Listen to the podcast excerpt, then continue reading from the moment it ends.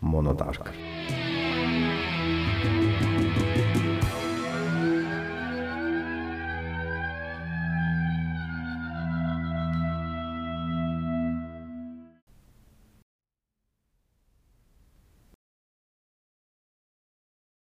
Yeni bir Monodark'ta sizlerleyiz. 12 Şubat akşamı. Buz gibi bir akşam bugün İstanbul'da.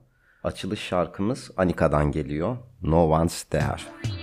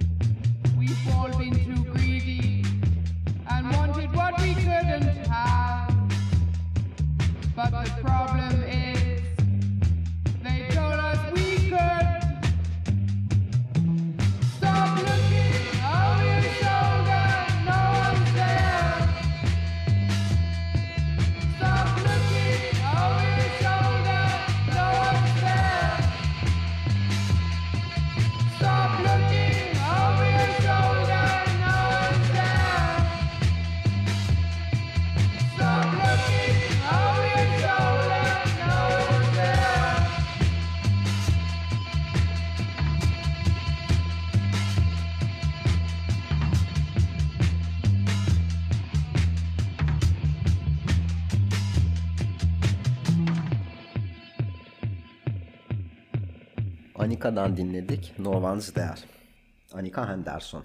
Anika Ogan bu albüm ilk yani bu şarkı bu ilk albümünden 2010 yılında yayınlanmış albümünden. Hı hı. Aynı zamanda Big ile beraber yapılmış bir yan proje. Big de daha önce dinleyicilerimiz belki hatırlar. Ee, burada Big de tabii Portiset'in basçısı Geoff Barrow'un yan projesi. Aslında yani yan projenin yan projesi gibi. Çok küçük bir hikayesi de var. Hızlıca bir anlatayım istersen. Tabii tabii. Ee, Bugün bir konuşacağımız şey biraz ağır öncesinde evet, böyle bir... aynen. Böyle bir alışma şeyi gibi olur. Tamam. Ee, Geoff Barrow diyor ki böyle ben bir bass oriented bir yeni bir proje yapayım. Ee, ama acaba solist kim olacak? Böyle bir solist arayışına falan giriyor. birkaç deneme falan o olmaz bu olmaz derken bir şekilde arkadaşının arkadaşı falan vesilesiyle Anika ile tanışıyor. Anika da o dönemler Almanya'da sanıyorum yaşıyordu. Gazeteci, politik gazeteci. Evet. Ee, bir, bir gece işte bir şekilde arkadaşının vesilesiyle geliyor ve birkaç şarkısını da dinletmek istediğini söylüyor ve e, çok farklı, acayip unik bir ses tonuyla zaten e, müthiş bir albüm çıkıyor. O albümden kendi şarkısı olan No One's Dead'i dinledik. Ben bu albümdeki en sevdiğim şarkılardan birisi. Evet coverları da var. Coverları kendi, da var kendi evet. şarkısı. Buradan tavsiyemiz olsun. Bugün ne yapıyoruz Ogan? Kitap serileriyle devam edeceğiz aslında. Evet. Suç ve ceza yapıyoruz. Daha önce zaten Dostoyevski'nin e, Karamazov kardeşlerini yapmıştık. Orada da zaten hafif bir geçirmiştik. Yani suç ve cezayı yakında yapalım istiyorduk zaten. Artık bugün e, suç ve cezayı konuşacağız. E, tabii... Acaba neler anlatacağız, nasıl anlatacağız? Yani bu şeyde e, biraz daha diğerlerinden farklı olarak hani kitaptaki bazı bilgileri de baştan vereceğimizi söyleyeyim ben. Onları çok da saklamaya çalışmayacağız. Dünya klasiği denildiği zaman bilinirlikte üst sıralarda olacaktır suç ve ceza. Olacaktır. Dolayısıyla ya insanlar zaten okumuştur ya da bir yönde e, fikirleri vardır. Muhakkak ki ana karakteri biliyorlardır Raskolnikov'u. Dolayısıyla e, bugün biraz spoilerlı bir programımız olacak. E, ama bence bu kitabı okumadıysanız da dinlemenizde bu bu podcast'i dinlemenizde bir sıkıntı olmayacağını düşünüyorum ben. Yani çok da böyle can alıcı detaylara girmemeye çalışırız belki bilmiyorum. Sonra şimdi Şükrü'ye kızarsınız bana değil. Sonra bana kızarsınız. evet. Ee, zaten Karamazov kardeşlerde Dostoyevski'den de sen güzel bir bölüm çalışmıştın da bize getirmiştin. Biz sonradan da bunu değerlendirdik aramızda tekrar tekrar konuştuk. Ama tabii suç ve ceza deyince yine bu konuştuklarımıza mutlaka e, eklentiler yapacağız öyle değil mi? Muhakkak yani e, Dostoyevski'nin hayatını anlamak romanlarını anlamak için çok güzel bir başlangıç noktası oluyor bence. O yüzden Karamazov kardeşlerle hakikaten çok detaylı konuşmuştuk. O bir önceki programımıza dönüp o bölümü dinleyebilirsiniz. Ama ben yine de çok hızlıca oradaki konuları bir toparlamakta isterim. Şimdi e, bu vesileyle başlayalım. Dostoyevski 1821 yılında Moskova'da dünyaya geliyor. E, annesi hasta, babası ise asker fakat e, oldukça şiddete meyilli, sarhoş bir e, adam. Babasıyla olan ilişkisi zaten bayağı problemli. Bunun çok detayına girmiştik önceki programımızda. Hatta şöyle şeyler bile varmış Ogan. E, altı kardeş sanıyorum Dostoyevski. Babası uyuyorken bunlar e, kardeşleriyle hep beraber salonda ıhlamur ağaçlarının dalları elinde sinek kovalıyorlarmış. Bir tane sinek dahi babasını rahatsız ederse başlarına geleceğinden çok yani başları gelecek şeyler çok e, kötü oluyormuş. Yani çok şiddete meyilli e, böyle e, şeyler de var, hikayeler de var. Sen hiç sinek kovaladın mı? Allah kovaladım. Ben de kovaladım. Evet. Elektrik süpürgesiyle bir de bir ara çekmeye çalışıyordum. Evet, Yaz sinekleri ya. olur ya dairesel uçuşur. Aynen. Ivan Valid oldu. Neyse Dostoyevski e, işte üniversiteyi okumak için yani mühendislik okumak için üniversiteye gidiyor ve ee, bu sırada hem annesi üniversiteye gitmeden önce ölmüştü. Babasının da ölüm haberini alıyor üniversitedeyken. Bu onun için çok yıkıcı oluyor. Çünkü zaten babasıyla ilişkisi çok kötü. Babasından nefret ediyor. Ama babasının bu e, hesapsız e, sürpriz ölümü biraz kendisini de çok e, ne diyelim vicdan azabı duymasına neden oluyor ve ilk travmasını bu dönemde yaşıyor aslında. Sonrasında mezun oluyor ve e, bir memurluk, bir yıl memurluk yaptıktan sonra askeriyede buradan ayrılıp zaten hep kalbinde olan edebiyata dönüyor. E, ve ilk romanını İnsancıkları 1846'da 23 yaşındayken yazıyor.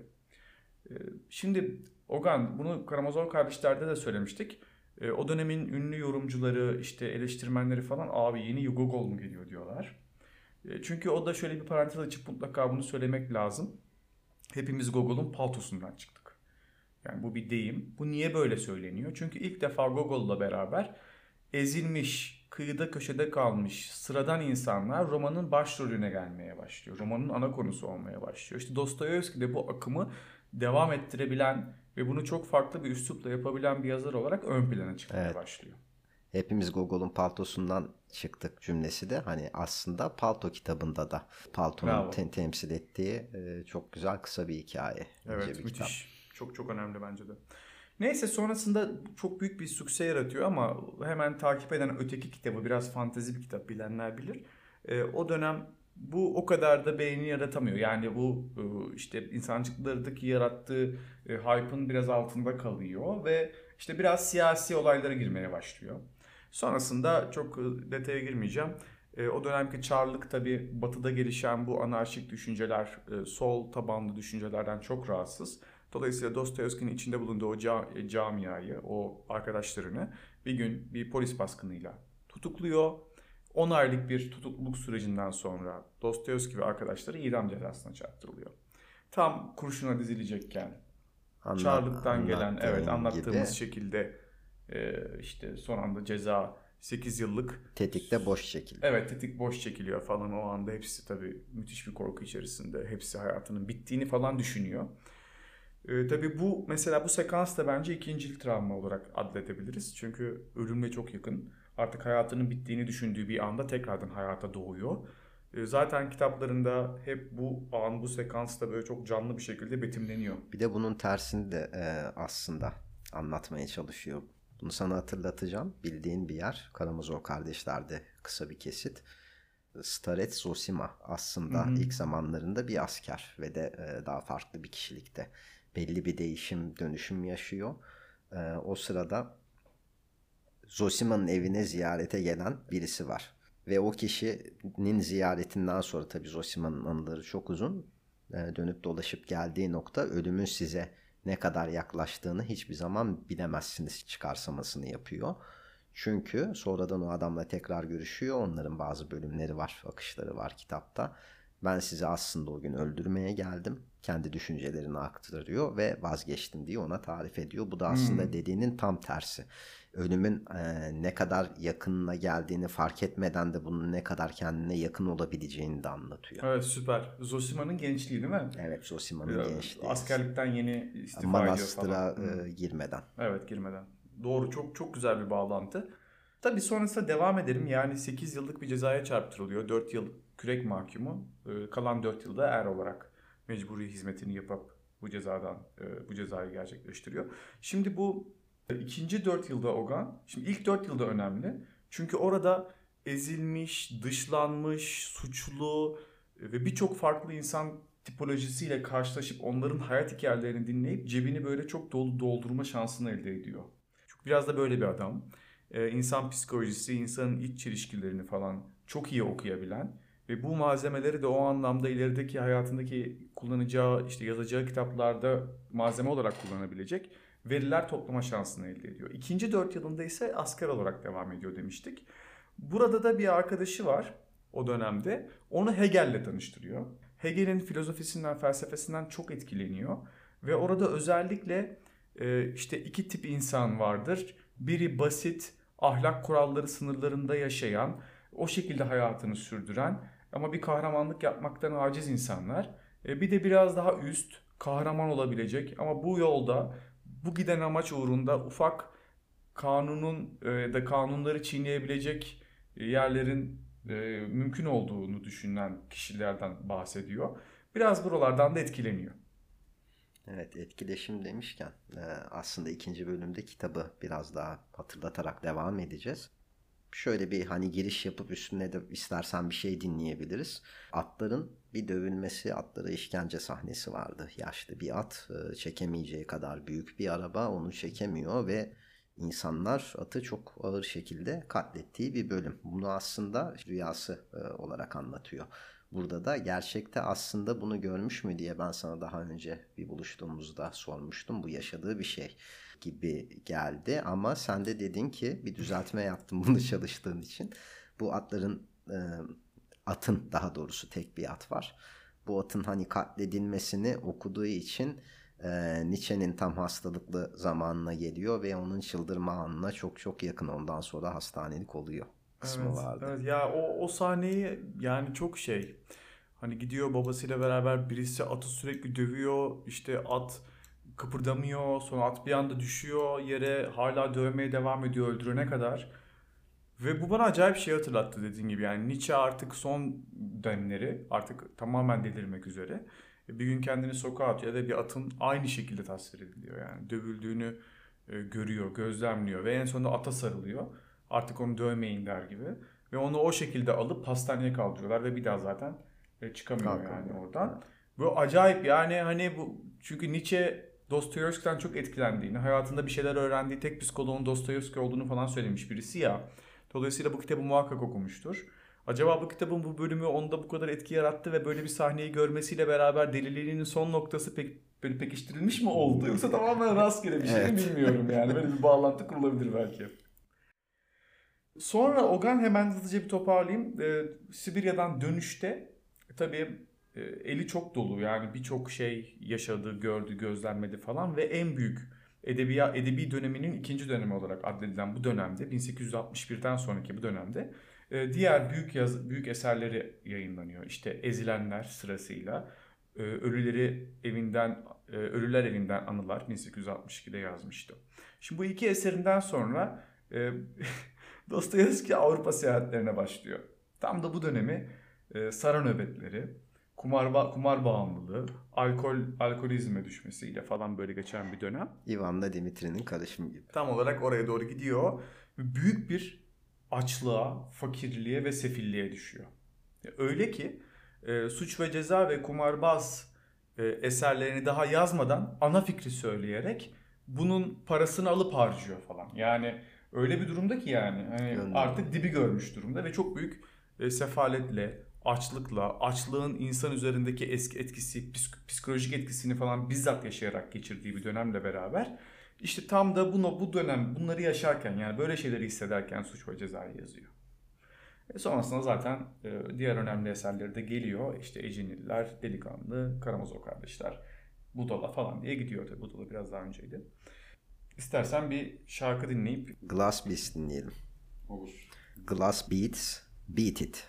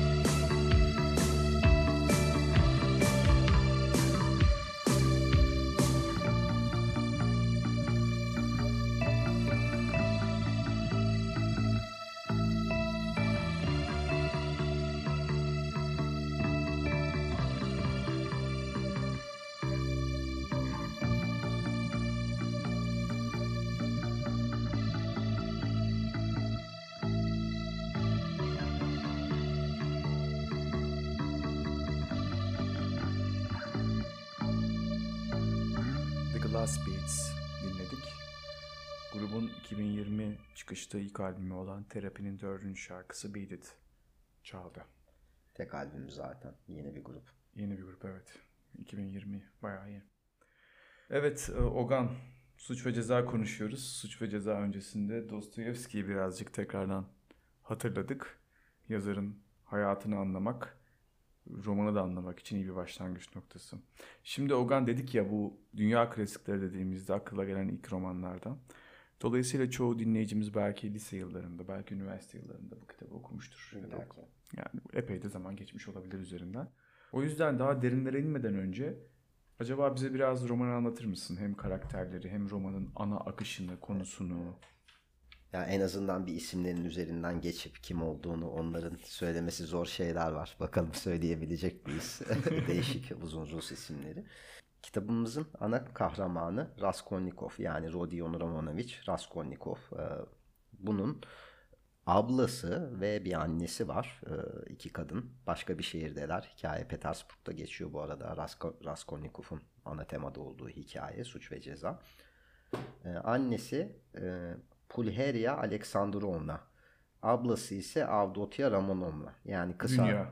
e, kısaca Dünya. Evet. Çok yakın bir arkadaşı var e, Raskolnikov'un. Bu da benim favori karakterlerimden biliyorsun sen de. E, Razmuhin. Dimitri Prokofiev e, Razumuhin. Karakterleri aslında arattığımızda biraz daha yazılışları çok farklı olabiliyor. Çok kelime değişiklikleri olabiliyor. Biz kitapta yazan şekliyle burada e, anlatıyoruz. E, aslında hani bu tip hikayelerinden hepsinde olan bir sorgu yargıcı var ki Porfiri Petrovic. bu da olayın çok e, önemli bir noktasında.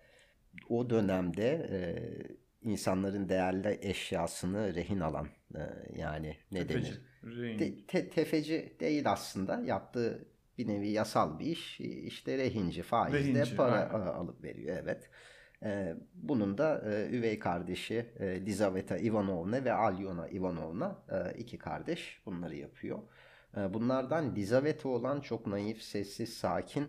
Diğer kişilere gelince Piotr Petrovich Luzhin. Bu da aslında damat adayı. Raskolnikov'un kız kardeşi, ablası yani Dünya'nın koca adayı. Ve de aslında Luzhin de hikayenin bir noktasında Raskolnikov'la ve diğer karakterlerle karşılaşıyor. Bunun da bir tane oda arkadaşı var. Andrei Semyonovich e, Lebezyatnikov. Lebezyatnikov ise e, aslında çok ağır e, bir sosyalist ve kendi düşünceleri var. E, bunları da Lujin'le zaman zaman e, konuşuyor. Kendi düşüncelerini gördüğümüz pa- paragrafları var. Çok önemli karakterlerden biri Svidrigailov. E, ve bunun kitapta yine bahsedilen e, ölen karısı Marfa Petrovna. Şöyle bir baktığımızda e, Raskolnikov'un konakladığı çok izbe bir yer.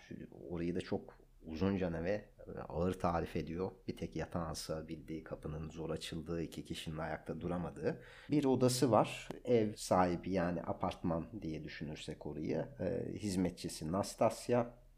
Bir tane ev sahibesi var ve tabii ki bir doktorumuz var. Doktor Zosimov. Ee, Mikolka isimde bir boyacı var. Ee, Çok az bahsediliyor ama hikayenin kilit noktasında. Ee, İlya Petrovic, e, Luzia Ivanovna, e, Nikodon Fomic e, bunlar da karakoldaki kişiler. Bir de çocuklarımız var. Çok önemli bir kişiyi unuttuk. Bu- Bunu da aile olarak gruplamıştım. Marmeladov. Evet, Semyon Zaharovic Marmeladov. Bunun karısı Katerina Ivanovna, kızları Sonya Semyonovna ve üç tane daha küçük çocuğu var. Ee, Sonya en büyükleri. Ee, Bir yetişkin Sonya aynı zamanda. Ee, Marmeladov ailesinde Marmeladov çok büyük bir sarhoş. Aslında devlet memurluğu görevinde bulunmuş ama e, hikayesi de çok acıklı bir şekilde bitiyor. Sarhoş bir şekilde at arabası e, üzerinden geçiyor ve eve ağır yaralı Raskolnikov tarafından getiriyor. O da hikayenin e, çok değişik noktalarından biriydi. Karakterleri böyle hatırladık. E, şu- Evet. Yani aslında bu e, roman bence psikolojik gerilim türünün ilk temsilcilerinden. Yani romanı okuyorken karanlıklar içerisinde gerim gerim geriliyorsun. Hakikaten yani bir kere e, Raskolnikov bir üniversite öğrencisi. Çok çok e, çok iyi bir entelektüel, çok iyi okuyan bir çocuk ama Eski üniversite öğrencisi. eski üniversitesi öğrencisi olmak durumunda kalıyor. E, St. Petersburg'a okumak için geliyor. Hukuk, hukuk okuyor, avukat olacak. Avukat olmak Arkadaşı istiyor. e, Razumihin de aynı şekilde onun aslında okul arkadaşı. Evet. Fakat yoksulluktan, işte e, hayat mücadelesinden e, falan okula gidemez oluyor. Özel ders vermeye başlıyor fakat o da tutmuyor. E, derken artık yemek yiyecek, kirasını ödeyecek, yemek yiyecek parası dahi yok. O yüzden aç kalıyor. Sefil durumda yani. yani ama öyle bir sefalet de yok arkadaşlar yani. Çok ağır ya günlerce hiçbir şey yemiyor, uyuyamıyor, kirasını ödeyemediği için ev sahibi görmeden diye yavaş yavaş böyle kaçmaya çalışıyor falan. Karakola gitmek zorunda kalıyor. Ya gittikçe de insanlardan uzaklaşıyor aslında Ogan. Yani böyle büyük bir yalnızlık, büyük bir nihilizm içine e, sürükleniyor da oluyor. Yani insanlarla olan ilişkisini sorgulamaya başlıyor. Beni bir böcek gibi gören, bu kadar kimsenin umurunda olmadığım bu dünyada ben niye bu insanları umursayayım, ben niye bu insanları sevmeye çalışayım diyen bir kafa yapısına doğru da gitmeye başlıyor. Hani biraz romanın başındaki Raskolnikov'un kafasının içine girmek de lazım. Hani başına gelenleri çok anlamadan da iyi önce geliyorsun bence. zaten yani çok e, ne dediğini unutacak anları falan hani yazıdan da belli oluyor bir şekilde. Bir de yani e, tabii bu romanda bu kronolojik sırayla gitmiyor ama Ogan yani Raskolnikov çok da iyi yürekli bir adam aslında. Yani bir e, yangından birisini kurtarıyor, e, bir çok zor durumda olan birisine bütün parasını verip e, onu o durumdan kurtarıyor falan. Zaten bu tip şeyleri çok görüyoruz. Hani çok kalbi geniş, çok akıllı, zeki bir yandan da hakikaten yani sevgi dolu bir çocuk aslında. Öte yandan da hani kara sevgi dolu dünya ya ama çok ağır şartlarda. Ee, çok derin bir e, gururu var yani ve geri adım atmama, bir kendi olan inancından vazgeçmeme, dönmeme. Aslında kitabı bütün olarak baktığımızda en son kısmında da onun bile bir takım değişime uğrayabileceğini Raskolnikov'un görebiliriz. Evet yani kitabın ya aslında bu kitap bir cinayeti anlatan bir polisiye kitap gibi Ogan bence. Ama burada biz katilin kim olduğunu merak etmiyoruz. Biz katili kitabın 95. sayfası mıydı? Evet, Oradan itibaren İlk biliyoruz kitap sayfada 600 öyle sayfalık bir kitap. Yani e, katil kim belli. Biz daha çok aslında bu katilin kafasının içinde geçenleri, duygu durumunu, haleti ruhiyesini falan merak ediyoruz. cinayet sebebini e, ve hani burada aslında aynı zamanda Raskolnikov'un da hastalıklarından, zihinsel hastalıklarından ötürü hem kuşkuculuğu, kendi e, okura yansıttığı gerginlikten söz edebiliriz. Evet, Raskolnikov'un işlediği bir cinayet. Sonrasında da gelişen olaylarla beraber e, işte bu karakterimizin gözünden dünyayı, o dönemin St. Petersburg'unu e, sokaklarında dolaşıyoruz aslında. Evet aslında yani karakterlerin hepsinde aslında Raskolnikov e, bir şekilde üstüne çekiyor öyle değil mi? Yani e, haliyle sorgu yargıcı e, karakoldaki insan grubu dedik. Ondan sonra Ekende ailesi var. Yakın arkadaşı Razumihin var. Marmeladovlar var. Bunlar aslında hani biraz cinayetin dışında kalıyor ama tek paylaştığı kişi de aslında bunu Sonya hatırlarsan evet. ve e, orada önemli bir karakter Svidrigailov'un duvar arkası dinlemesi var e, gibi çok hepsi birbiriyle olayın içine bir şekilde bir çukura düşer gibi e, hızlı bir şekilde sürükleniyor. Evet. Ee, yani olaya biraz daha böyle baştan gidecek olursak böyle kitabın çok başlarında bir olay var. Biraz bunu çok küçük bir parça okumak da istiyorum. Ee, şöyle bir şey oluyordu. İşte Raskolnikov o kadar parasız ki artık e, bir tek ablasının ona verdiği yüzük var elinde. E, ve bu işte e, rehinciye gidiyor Alyona'ya ve bu yüzüğü 2 ruble karşılığında e, rehin bırakıyor. Sonrasında oradan çıkınca çok sinirli, öfkeli yani o çok çok daha fazla para bekliyordu. Çok az bir şey alabiliyor falan. E, bu zaten e, rehinciye karşı hiç iyi duygular da beslemiyor. E, sonrasında hemen ilk gördüğü bir meyhaneye giriyor. Ve meyhanede bir e, subay bir de bir öğrenci e, hemen yan masada konuşuyor ve onlara kulak misafiri oluyor. Orada da şöyle bir konuşma geçiyor.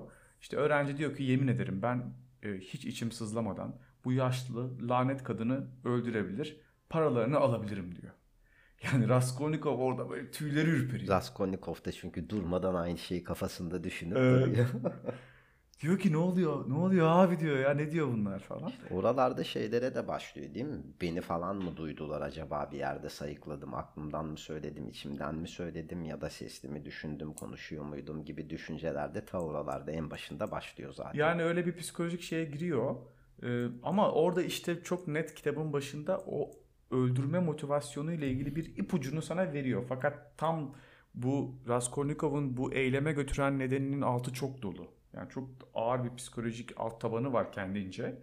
E, fakat burada bir o, o bu bölümle yavaş yavaş anlıyoruz bunun nedenini. Hatta şöyle diyor. İşte öğrenci devam ediyor. Sana ciddi bir soru sormak istiyorum diyor karşısındaki subaya. E, elbette şaka ediyorum ama şuraya bak. E, bir yandan aptal, duyarsız, değersiz, hain, hasta, iğrenç, yaşlı bir kadın. Yalnız, yararsız değil, gerçekten kötücül. Yani niçin yaşadığını dahi bile bilmiyor. Nasıl olsa günün birinde ölecek diyor. Tamam onu böyle subay gülüyor ne diyorsun falan diyor. Sonra diyor ki tamam dinle diyor. Öte yandan her yerde gereksinim, gereksinim duyduğu yardımdan uzak binlerce genç var diyor. Yani bu yaşlı kadını bir manastıra verecek bütün parasını. Çok hepsini okumayacağım. Ama onun yerine sen böyle parlak, gencecik, çok fazla paraya ihtiyacı olan bu çocuklara bu parayı kullansak binlerce kişiye belki yardımımız dokunabilir. Binlerce iyilik çıkabilir. Yani bir kötülük gider ama o kötülük binlerce iyiliğe vesile olmaz mı? diye böyle bir beyin jimnastiği yapıyor yani orada kendince. Yani sonra eve gidip bunun üzerine yatıyor, düşünüyor falan. Şey yapamıyor. Hatta bir de şey oluyordu. Hatırlıyor musun bilmiyorum. Rehincinin kardeşi. Lizaveta'yı görüyor bir yerde ve sokakta. Lizaveta da diyor ki ben işte bu akşam yokum evde falan diyor. İşte şöyle Pazarda görüyor. Pazar tezgahında görüyor. Orada da bir böyle şey Şöyle oluyor. bir de şunu e, dikkatini çekti mi? E, bilinçsizce bir yerlere çok fazla yürüyor. Evden dışarı atıyor kendini, içeri giriyor. Gece gündüz şeyde de çok bahsediyor kitaptan. Petersburg'da e, çok az güneş aldığı mevsimler. Ve aslında bir hani mevsim olarak da kitabın daha çok başlarında ben sıcakmış gibi algıladım. Çünkü çok terliyorlar sıcak bir gündü Evet evet yaz, e, gibi yaz sonu. tarifler e, var. Hani az gün ışığı e, da e, daha doğrusu az sürede gecede e, olduğu için e, burada gecesi gündüzü karıştığı oluyor. Hani çanlardan ve hani bulunduğu yere yakın saatler varsa oradan anlayabiliyor. Saatin bir de farkında olmayacak şekilde pazara gidiyor. Pazarda dediğin şekilde Lizaveta'yı görüyor biriyle konuşurken. Hatta Lizaveta'ya da o bir iki tane karı koca pazarcı bir şey yapmasını söylüyor. Rahatlıkla yapabilirsin diyor. Onun evde olmayacağını kanısını çıkarıyor. Ve de aslında koca karı Alyona Ivanovna'yı da öncesinde e, senin dediğin yüzüğünü bırakma esnasında gözüyle anahtarlarını, kuşağını, nerede ne var, e, içeride ne öyle, demek ki böyle, demek ki şuymuş diye kafasında e, hep işleyerek buna nokta nokta kaydediyor beyninin her yerine. Evet ve yani o şey e, bu eylemi gerçekleştirdiği sekans yani çok sade ve çok çabuk oluyor. Ben çok şaşırmıştım yani direkt daha kitabın ilk bölümlerinde. Tak diye gidiyor ve yapıyor. Ve böyle detaylar o kadar canlı ve gerçekçi ki işte e, kabanının içine bir ilmik yapıyor ki baltayı oraya saklayabilsin falan. Yani kafanda çok canlanıyor ya. Evet. Ve acayip içselleştiriyorsun falan. Bir de oradaki o heyecanlı o sahneler işte bir anda e, işte kardeşi geliyor geliveriyor falan ve sonra onu da öldürmesi gerekiyor gibi. Böyle birçok beklenmedik şey de gerçekleşiyor ve aslında çok başarılı bir şekilde bunu tamamlıyor yani. Hani İnanılmaz başarılı Yani bir şekilde. çok detay vermeyelim Ondan sonra geliyor yatıyor. Hatta baltayı da aldığı yere çok güzel bir şekilde tertemiz koyuyor. Kendini temizliyor. Evet yani bu şekilde hikaye e, devam edecek, gelişecek, farklı olaylar olacak. Yani dediğimiz gibi aslında bu bir psikolojik gerilim romanı. Katilin kim olduğunu biliyoruz. Hiç öyle bir gizem arayışı içerisinde yok kitabın sürükleyici olabilmesi için. E, ama burada e, biz kitabın sonuna kadar böyle pür dikkat okuyup devam etmek istiyoruz. Çünkü Raskolnikov'un bu sekanstan sonraki içinde bulunduğu psikolojik burhan o kadar yükselerek delilik sınırlarına doğru gidiyor ki yani sen şok içerisinde okuyorsun. Yani e, Zaten deli ol- olduğu söylentisi de kitapta çokça karşısına çıkıyor. Evet yani krizler geçiriyor. Gerçekten fiziksel olarak hastalanıyor. E, Büyük paranoyalar içinde oluyor. İşte herkesin onu takip ettiği, herkesin bunu bildiği gibi şeyler, san- sanrılar görmeye başlıyor. Hayal gerçek karışıyor falan. Korkunç karanlık şeyler olmaya başlıyor. Ama bu karanlık seni kitabın içine de çekiyor. Ve bir yandan da bana şöyle şeyler de hissettirdi Ogan. Yani bu belirli şartlar olgunlaştığı noktada yani sen de o kadar aç kalsan, sen de o kadar e, fakirlik ve ne bileyim çaresizlik içerisinde kalsan, ezilen, dışlanılmış bir insan haline gelsen ve bütün bunları yaşasan, bütün bunlar böyle üst üste gelse sen de belki orada Raskolnikov'un yerinde de olabilirdin. Hissiyatını bana veriyor yani. O yüzden Ben daha çok beter fazla. yerde olurdum hissiyatını. Çok acayip içselleştirdim ben Şey, yani. En sevdiğimiz bölümlerle devam edelim mi? Devam edelim o zaman bir Ne dinleyeceğiz? Tempest dinleyelim. Telling my mouth.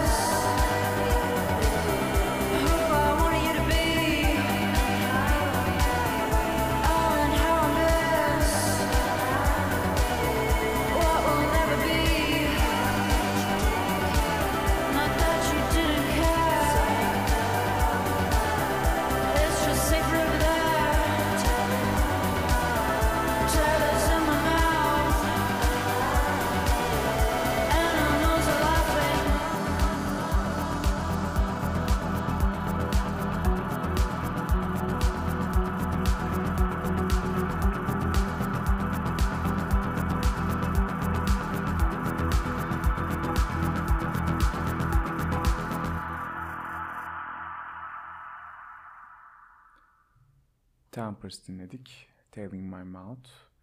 2017 çıkışlı Fundamental Fantasy isimli single'larından geldi.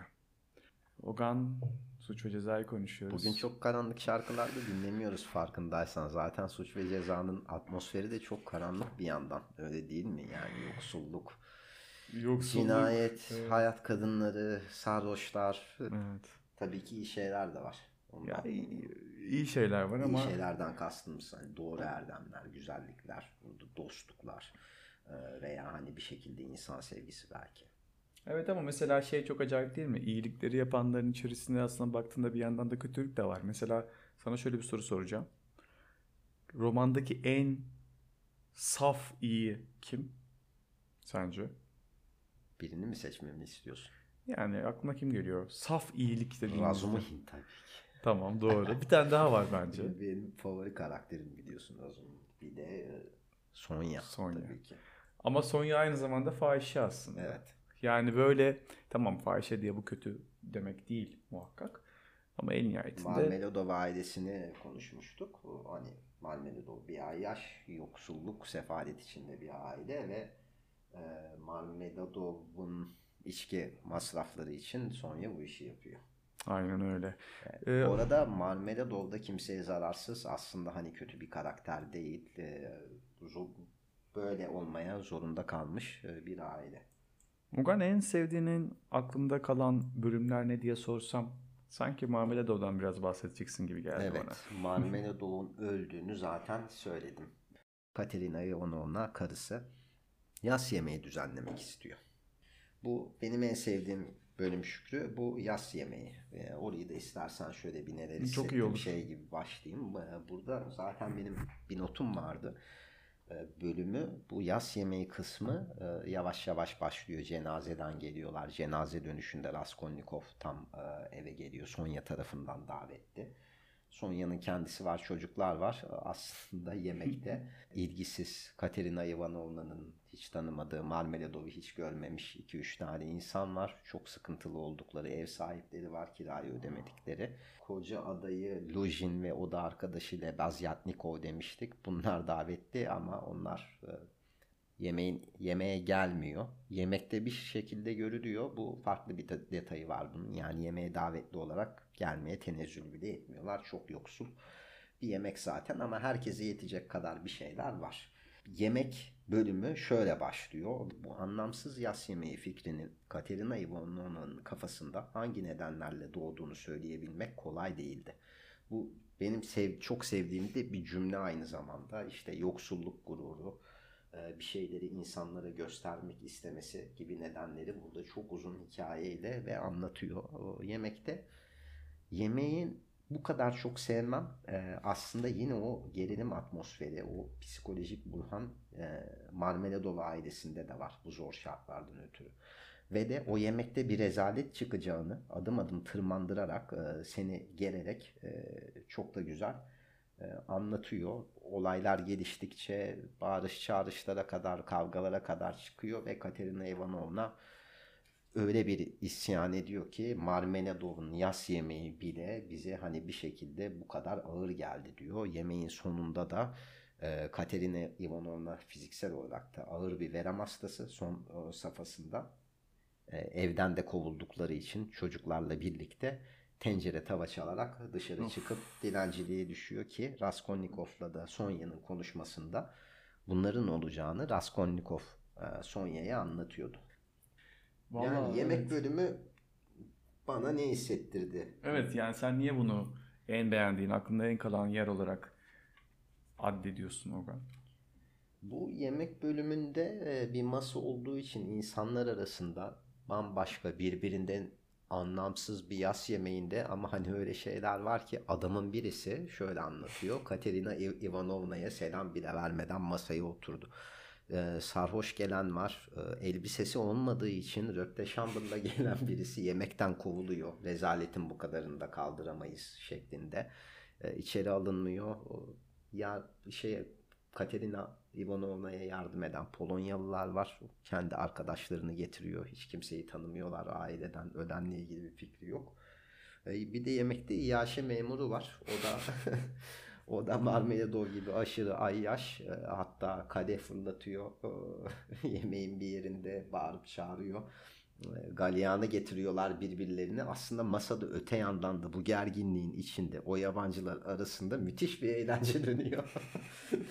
yani hiç ilgisiz bir yere gelmişler. Sanki cenazeyle dalga geçiyor gibi farkında bile değiller. Ee, Bir şekilde o en alt tabakanın bir yas yemeğini çok güzel bir şekilde de anlatıyor. Tasvirleri de çok beğendim. Dilini de çok beğendim. Yani bir, bir şekilde masayı görmüş gibi hissettirdi bana. Valla o kısım ben de çok beğendim. Yani özellikle sonunda bağlandığı yer o kadar karanlık ki. Yani o kadar üzücü ki.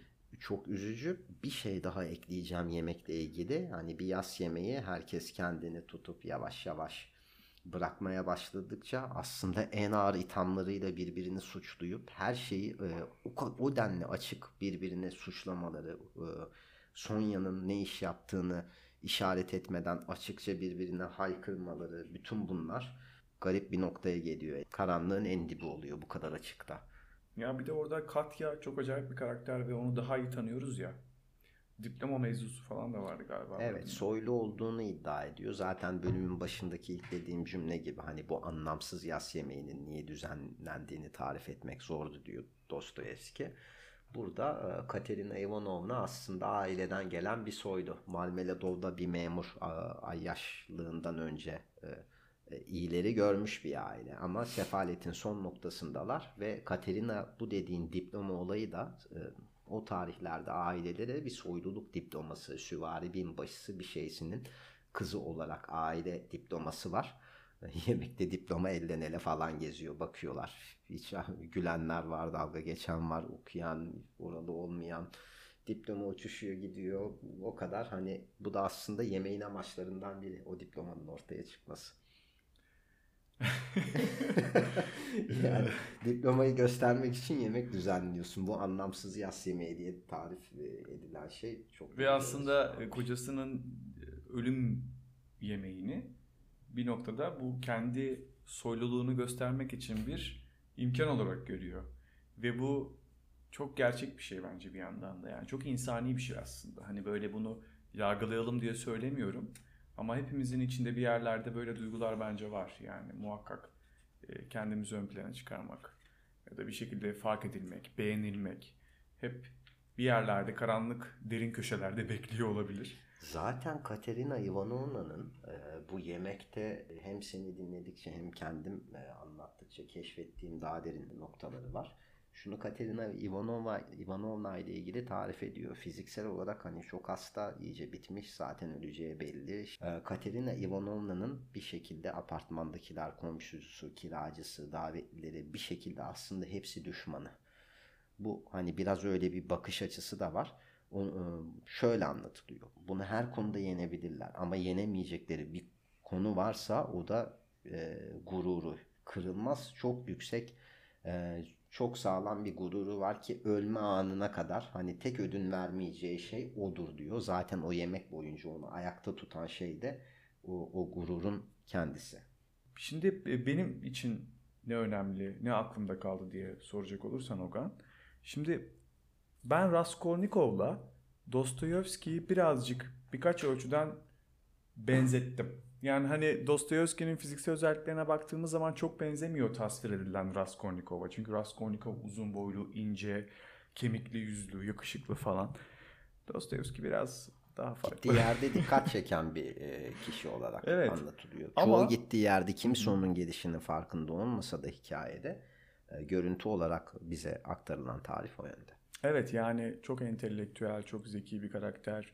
Böyle çok şey gibi aslında Ogan. Yani sanki Dostoyevski'nin sürgünden dönüp de geldiği St. Petersburg'daki o dönemi hatırlatan bir karakter bence. Çünkü o da geliyor e, Dostoyevski St. Petersburg'a işte e, ilk iki kitabını yayınladıktan sonra işte Avrupa'ya gidiyor ve bir anda büyük bir sefaletin içine düşüyor. Kumar borçları yüzünden falan gerçekten aç geçtiği günler oluyor. E, büyük çaresizlikler içerisinde buluyor kendini ve bir şekilde o çukurdan çıkmaya çalışıyor. Şimdi bütün bu yaşadığı o süreç kitaptaki ilk başlangıç Raskolnikov'un senin de bahsettiğin gibi odasının tasvirini bir düşünsene ya. Yani doğru düzgün ufacık bir pencere var. Sadece in gibi bir, bir yerde. Yatak evet. sığan böyle bir in gibi bir yerde yaşıyor. Aç sadece çay içiyor falan. Yani ve günleri böyle geçiyor. Dolayısıyla bu Raskolnikov'un bu psikolojisi sonra başına gelenler işte cinayet falan bütün bunlarla beraber gelişen olaylarla beraber içinde bulunduğu psikolojik altyapı böyle buhranlar, krizler ve gittiği nokta bu noktanın gittikçe böyle delirmeye doğru e, akan süreci bir kere benim çok hoşuma gitti. Yani o inanılmaz psikolojik bir Sen alt delirmeleri olan- çok seviyorsun. Ya ben delirmeleri çok seviyorum çünkü o yani delirme ve normallik arasındaki çizgiyi nereye koyduğuna da bağlı. Hani nereden baktığına göre de değişir zaten. Ee, o, o ayrı bir konu. Hatta Svidrigailov'la ilgili bir bölüm var. Şimdi Svidrigailov önemli bir karakter. O yüzden çok hızlıca bir Svidrigailov'un kim olduğunu anlatayım. Ee, dünya kitabın başında şöyle ta- tasvir ediliyor. Bir tane evde e, mürebbiye olarak çalışıyor. Raskolnikov'un ablası. Raskolnikov'un ablası Dünya bir tane işte St. Petersburg'un dışında bir evde mürebbiye olarak çalışıyor. Evin hanımı Marfa. Marfa'nın da kocası Svidrigailov. Svidriga- Svidrigailov da Dünya'ya aşık. Ee, Raskolnikov'un ablasına aşık. Ee, ve bir takım sebeplerden dolayı işte onu taciz ediyor hatta böyle bir garip bir karakter. İşte dünya oradan kaçıyor falan olaylar gelişiyor. Biz de Svidrigailov'u buradan tanıyoruz aslında. Fakat oyunun e, pardon hikayenin kalbine giriş yapacak Svidrigailov. E, romanın ikinci bölümünde. Söyleyemedim Svidrigailov. Biraz söylemesi Güzel zor. söylüyorsun. E, dolayısıyla bu da önemli bir karakter. Öyle bir sekans var. Şimdi e, şeyi anlatıyordum yani neler hoşuma gitti diye Organ. Bir bölüm var. Yani korkunç bir bölüm. İşte Raskolnikov bir hayal görüyor. E, tabii burhanlar içerisinde, krizler içerisinde, burada Sara tarzında krizler de yaşıyor ve bunu çok iyi tasvir ediyor Dostoyevski çünkü kendisi de Sara hastası. Yine böyle bir burhan, bir kriz içerisinde tekrardan olay mahalline gittiğini görüyor. Rüya, hayal. E, işte orada tekrardan o çanı çalıyor falan. İşte, e, tefeciyi görüyor, e, rehinciyi görüyor ve onu tekrardan öldürüyor ama kadın ona bakıp gülüp kahkaha atıyor bir yandan falan. Öyle acayip korkunç gotik bir tasvir tamam mı? Böyle tüylerin diken diken bunu okuyorsun Dogan. Sonra bir anda oh be rüyamış diyorsun. Raskolnikov gözlerini bir açıyor.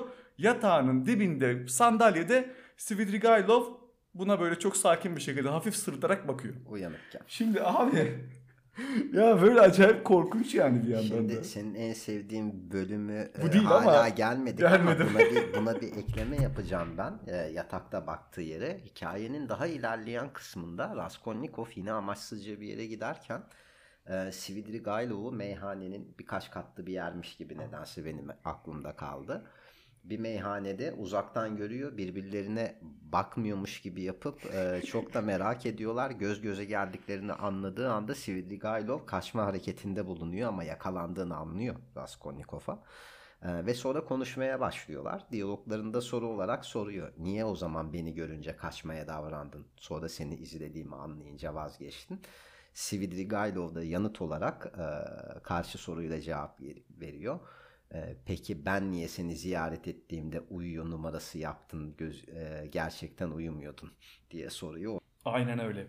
Ya Çok bu esrarengiz bir tipti tabii. Valla e, çok güzel karakterler var. Fakat benim favori karakterim Svidrigailov. Yani biraz dark bir karakter, kötü bir karakter net yani. Ama ben çok beğendim. Çok iyi tasvir edilmiş. Düşünce yapısı falan çok cool. E, ve bu kadar kötü bir karakteri tasvir ediyorken bile içerisinde bir sürü iyilikler, iyilik de var aslında. Böyle yin yang gibi Ogan. Evet. E, Ve ben bunu tüm kitapta gördüm. Yani salt kötü, salt iyi çok yok gibi. Yani Svidrigailov bile gidip işte e, ne kadardı? 3000 rubleydi sanıyorum. Sonya'ya veriyor. Hani e, 10 bin rublesini gidip e, işte son ya tabii ki para vermek iyi bir şeyi illa iyi bir şey demek değil belki ama e, yine de orada o bunu bize gösteriyor. Yani salt kötü birisi değil olduğunu gösteriyor ama yaptıklarıyla tabii ki e, bir cinayet şüphesi var. İşte yapmış olduğu daha önceki problemler var. Karısına şiddet uygulamış falan. Garip, iğrenç bir adam aslında. Fakat ben karakteri çok beğendim. Bu karakterin o biraz önce tasvir ettiğim bölümünde de hayalle gerçeği, delilikle normalliği falan sorguladığı çok güzel bir sekans var. Ee, Yani o çünkü hayaletleri falan gördüğünü söylüyor hatırlıyorsun değil mi? Ee, Sonrasında da çok güzel bir toparlıyordu orayı. Karamazov kardeşlerde de değindiği bir nokta. Hayaletlerin olup olmadığına emin misin diye karşılıklı bir soru soruyor ve ardından da şunu söylüyor. Hastalanan, burhana giren insanlar böyle şeylerle karşılaşır da sağlıklılar karşılaşmaz o zaman diye bir şekilde akıl fırtınası yaptıklarında Svidrigailov şöyle anlatıyor. Peki şöyle söylesem fikrin değişir mi? Ee, sağlıklı insanlar zaten tamamen bu dünyanın parçasıdır. Ee, onlar diğer taraftan bir şekilde diğer alemlerden uzaktır. Ama sen hastalanmaya başladığında oraya yakınlaşıyorsun ve bazı şeyleri daha çok görüp hissediyorsun. Böyle bir şey oturamaz mı? Denklem olarak kafanda kıvamında Ya. bir şey sorup anlatayım. Aslında şey diyor onlar hep var da sen ancak hastalıklı bir kafaya ulaşman lazım ki onları görebil. Evet. Hani o gözlüğü takabil gibi. Tamam yani çok farklı bir bakış açısı olduğunu Konuda biliyorum. karısının hayaletini görmesinden. Evet evet yani biraz işte yani akli dengesi de şüpheli. Neyse e, bu karakter ve bu gelişimi falan çok bence etkileyiciydi bu bölümler harikaydı. Ama benim en çok hoşuma giden yer Ogan kesin. Şimdi Porfiri bizim sorgu yargıcımız. Porfiri Sorgu Petrovic. e, şeyimiz. E, yargıç değil de savcımız. Ha, sorgu Evet, sorgu savcımız. savcısı. Şimdi bu e, bir şekilde Raskolnikov'un peşinde. Bundan acayip şüpheleniyor. Çünkü Raskolnikov da yapmadığını bırakmıyor. Öyle paranoyak kafadaki ve delirmeye o kadar yakın ki çok fazla aslında şüpheli hareket yapıyor yani hatırlarsın. E, Dolayısıyla bizim sorgu yargıcımız da direkt onu hedefine alıyor ve 3 tane görüşmesi var. Bir tanesinde e, Razmuhin'le beraber evine geldiği bir sekans var. Bir tanesinde e, sa- sa- bizim e, Porfiri savcımız Raskolnikov'u e, ofisine çağırıyor. E, bu böyle bir sekans var.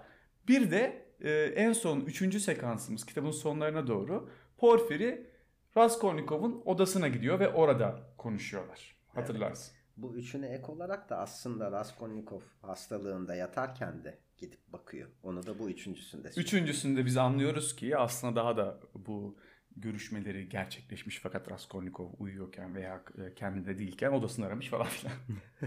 ya şimdi çok güzel çünkü üçüncüsünde geldiğinde e, bizim Porfiri biraz şöyle yaklaşıyor. Yani özür dilerim diyor.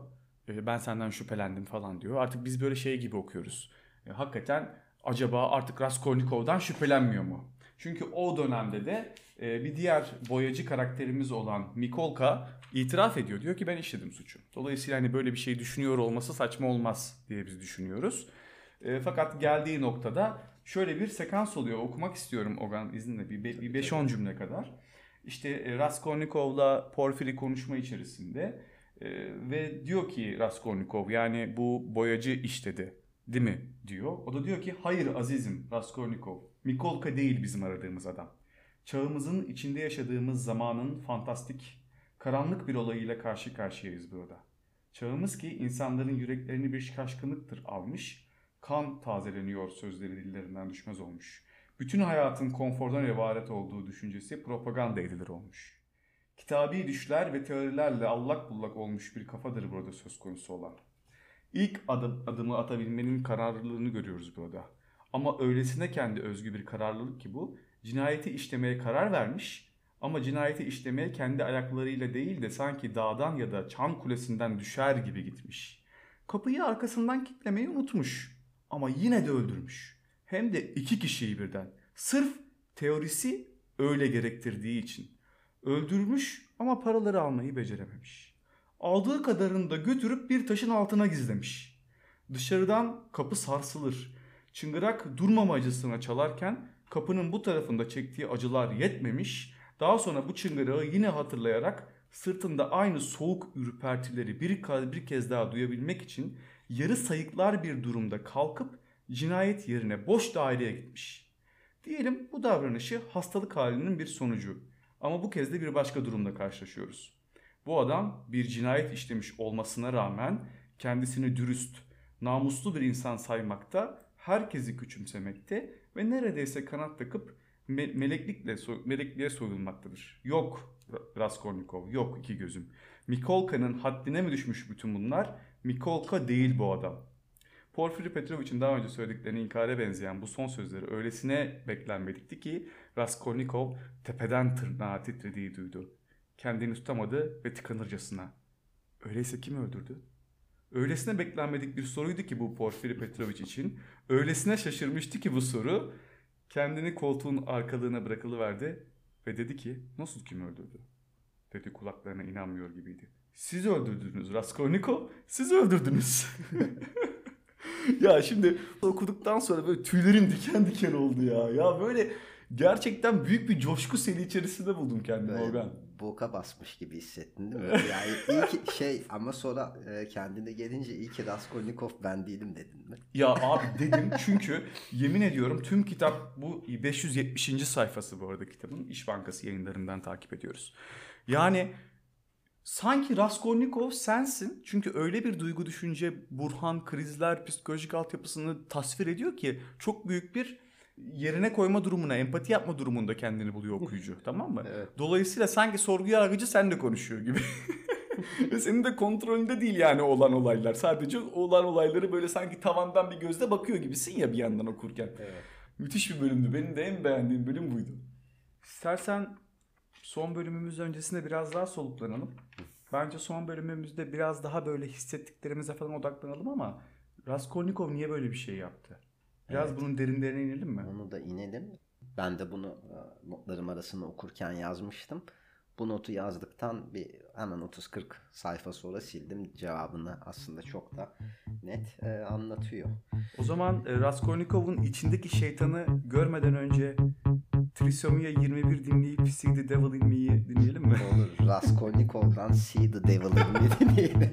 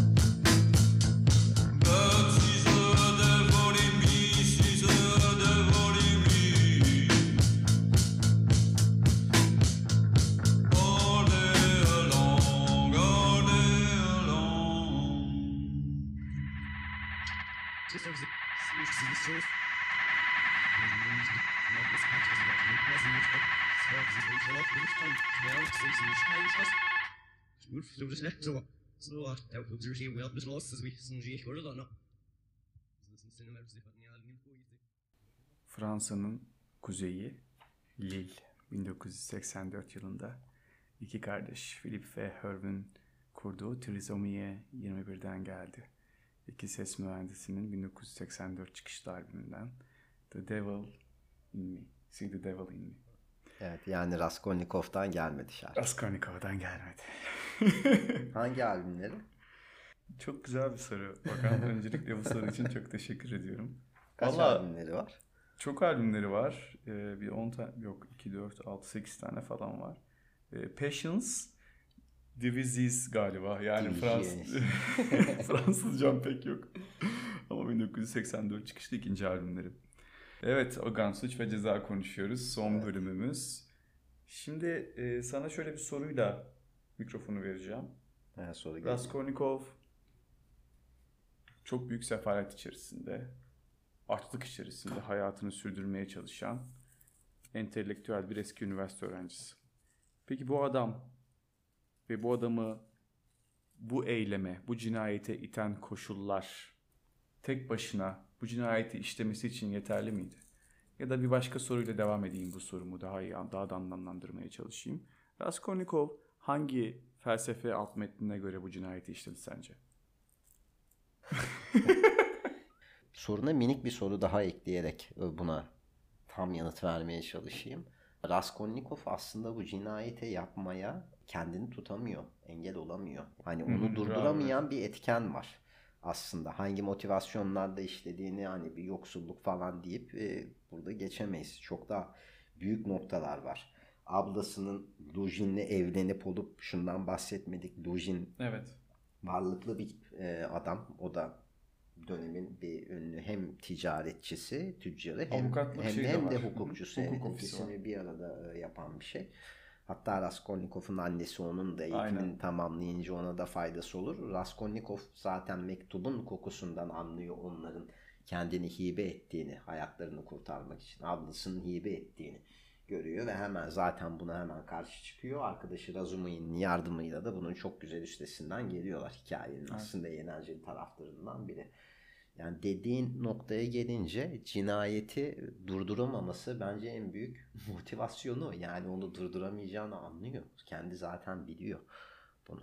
Bence çok güzel anlattın. Bir Napolyon'a e, affedilen Evet. bölümler var değil mi? Ee, Oraya gelecektim. sorgu yargıcı e, Porfiri Petrovic e, ile karşısında hani bunu neden olarak söylüyor. E, Napolyon benim yerimde olsa bu durumda ne yapar e, diye sorarak galiba yola çıktı. Eğitimini tamamlamak ve bu güç durumdan çıkıp hayatını devam edip kazanmak için koca karının gözünün yaşına bakıp bunu benim kadar düşünmezdi bile benim bir takım hislerim var ama onun hiçbir hissi olmazdı. Kendi tarifine göre motivasyonu bu. Evet. Bir de şöyle bir şey vardı ya.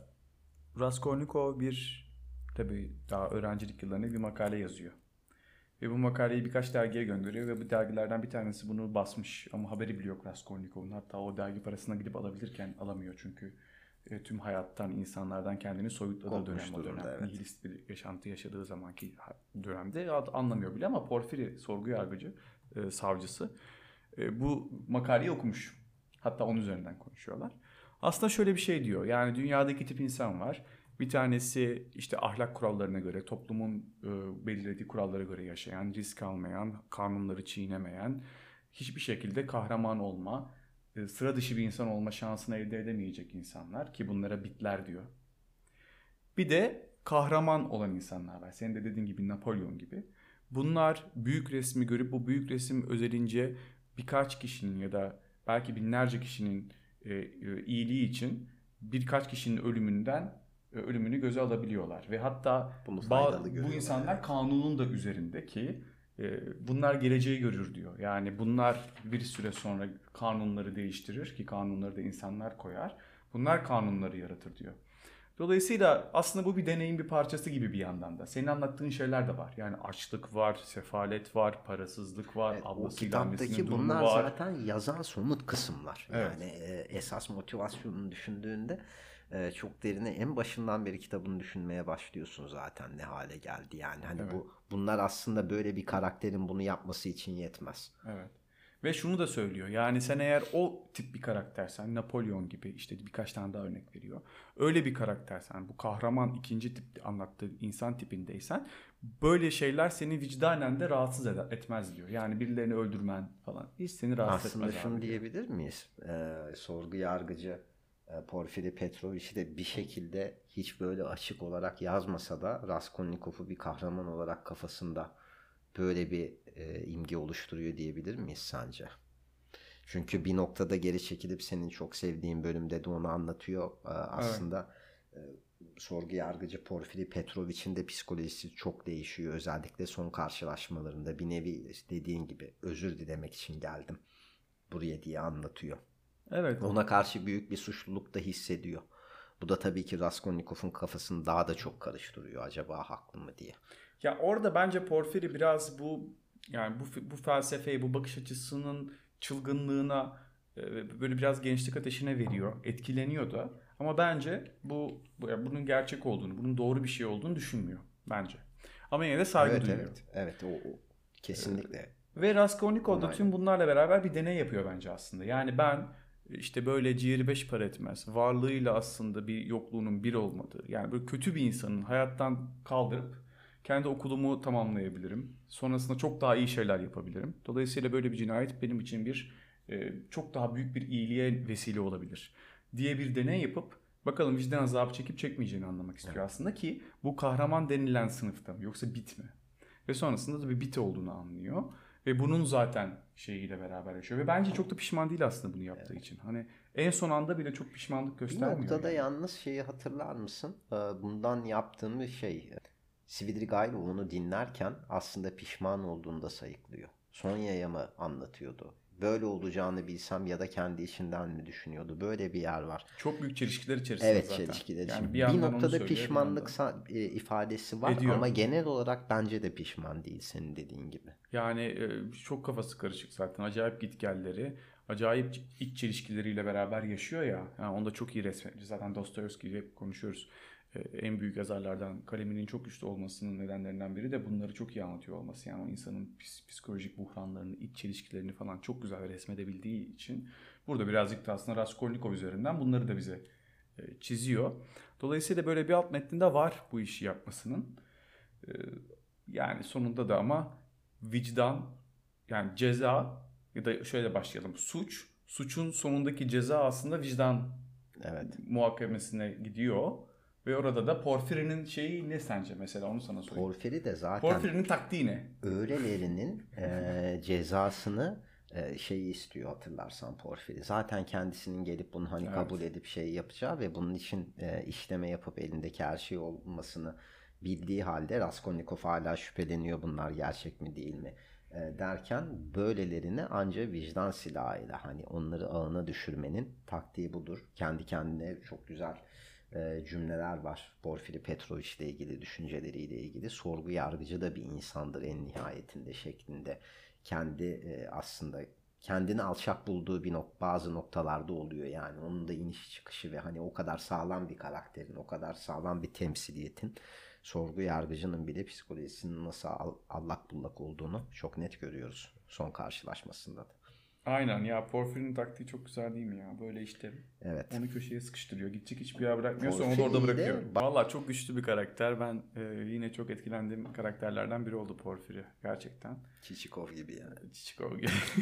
Ve oradaki konuyu oraya getirmeye çalıştığımı fark ettim ama direndim. bir, bir yerde daha okudum bu podcast'te çalışırken.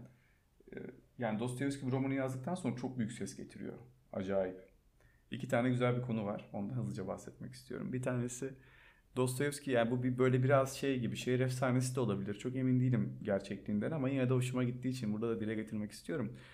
Ee, bu roman yayınlanıyor. Acayip ünlü oluyor. Yani çok çarlık seviyesinde popüler oluyor falan. Ee, fakat o dönemin ünlü savcılarından birisi Dostoyevski ile konuşmak istiyor. muhabbet etmek istediğini söylüyor. Ve onu bu romanın detaylarıyla alakalı çok acayip sorular sormaya başlıyor. Çünkü roman o kadar bir cinayet eylemini detaylı anlatıyor ki ve sonrasındaki bir suçlunun Yani- psikolojisini o kadar iyi anlatıyor ki. Porfiri, Pet, e, Por- Porfiri Petrovic'in gerçek dünyasında olanını söylüyorsun. Evet gerçek, dönemin gerçek porfirisi. Sen nereden çıkardın bütün bunları? Böyle bir şey mi yaptın acaba sorgusuna? Ya evet yani oraya girecek şeyler yapıyor. Yani Evet. hani böyle oraya o, o noktaya kadar deşiyor e, diye söylenir, anlatılır olmuş. Ben de öyle bir şeye denk geldim. Bir bu. İkincisi de yine bir magazinsel bir konu. Yine böyle ilginç olduğu için dile getirmek istiyorum. E, tam o dönemlerde yani e, bu romanın yazıldığı e, dönemlerde 1860'larda falan e, ünlü bir magazinsel olay var. E, çok böyle şey işte tüm gazetelerde falan sürmanşet olmuş bir konu. E, Fransız bir katilin hikayesi Lasinay. E, o da böyle Paris'te e, hukuk okuyan fakat parasızlık ve sefaretten dolayı okulu bırakmak zorunda kalmış bir yazar, şair, genç bir çocuğun e, gidip bir arkadaşıyla anlaşıp annesini öldürüp soyması ve bunun mahkemesi olayı tüm Avrupa'da böyle konuşulur hale gelmiş. Tam bu olayların akabinde birkaç yıl sonrasında da bu kitabın yazılmasıyla beraber tabii mikrofonlar Dostoyevski'ye çevrilmiş. Yani acaba etkilendin mi ya da bundan esinlendiğin noktalar oldu mu? Dostoyevski çok sert bir şekilde hayır. E, Ben bu e, konudan, bu olaydan etkilenmedim. Bu apayrı bir konu ama kesinlikle benzerlikler olduğu da bir gerçek demiş. Bence e, çok önemli değil etkilenip Bir nevi olması. intihal durumu var. Gibi bir soru canlandı değil mi kafanda? Sen de sorgu yargıcı gibi oldun maşallah. Ya ben seviyorum böyle magazinsel bağlantıları. Eyvah, Hoşuma çok, gitti yani. Çok güzel bilgi. Ben de çok e, memnun oldum duyduğuma. Senin var mı son eklemek istediğin bir şeyler? Kitabın alt notları her kitapta benim ilgimi çeker. Dönemde Petersburg gündemini, coğrafyayı anlatan yangınların çıkması, bir şeyler olması, popüler akımlar bunları çok güzel ya da hani Fransız dilinden gelmiş, Alman dilinden gelmiş sözcüklerin e, çevirisinde özellikle hani orijinalini koruyup açıklamasını da e, yapması benim çok çok hoşuma gitti. Oraya da değinmek lazım. Bir de şunu ekleyeceğim. Aslında çok güzeldi oturdu orası. Biz bayağı bir hani bu kitabı açık konuştuk. Bütün bilgileri verdik. Hisleri, yorumlarımızı yapmaya çalıştık. Ama Raskolnikov'a ne oluyor kısmına gelemedik. Aslında bunu da saklayarak Bu da çok kalsın şey ya, evet he? bu da kalsın hani e, o son kısmında. Orada da e, Sonya'yla devam eden e, bir hikayesi var ve kitabın son cümleleri de zaten şimdilik bu hikaye burada bitiyor. Bu başka bir hikayenin konusu diye. Evet. O şekilde bir e, nokta nokta nokta şeklinde e, bitişi var. Valla son ben şöyle söyleyerek sözlerimi sana devredeyim. Ee, galiba okuduğum e- en iyi kitaplardan biri. Yani en azından benim nacizane bu bunca zamandır okuduğum en iyi ilk üç kitaptan biri olduğu kesin. Ee, Hem olayın akışı, olayın seni e, tamamen içine çekiyor olması, bu kadar sıra dışı bir konuyu bu kadar net empati yapabilmemizi sağlamasının nedeni karakterlerin iç psikolojik altyapılarına bizi direkt hissettiriyor olması, kalemin gücü.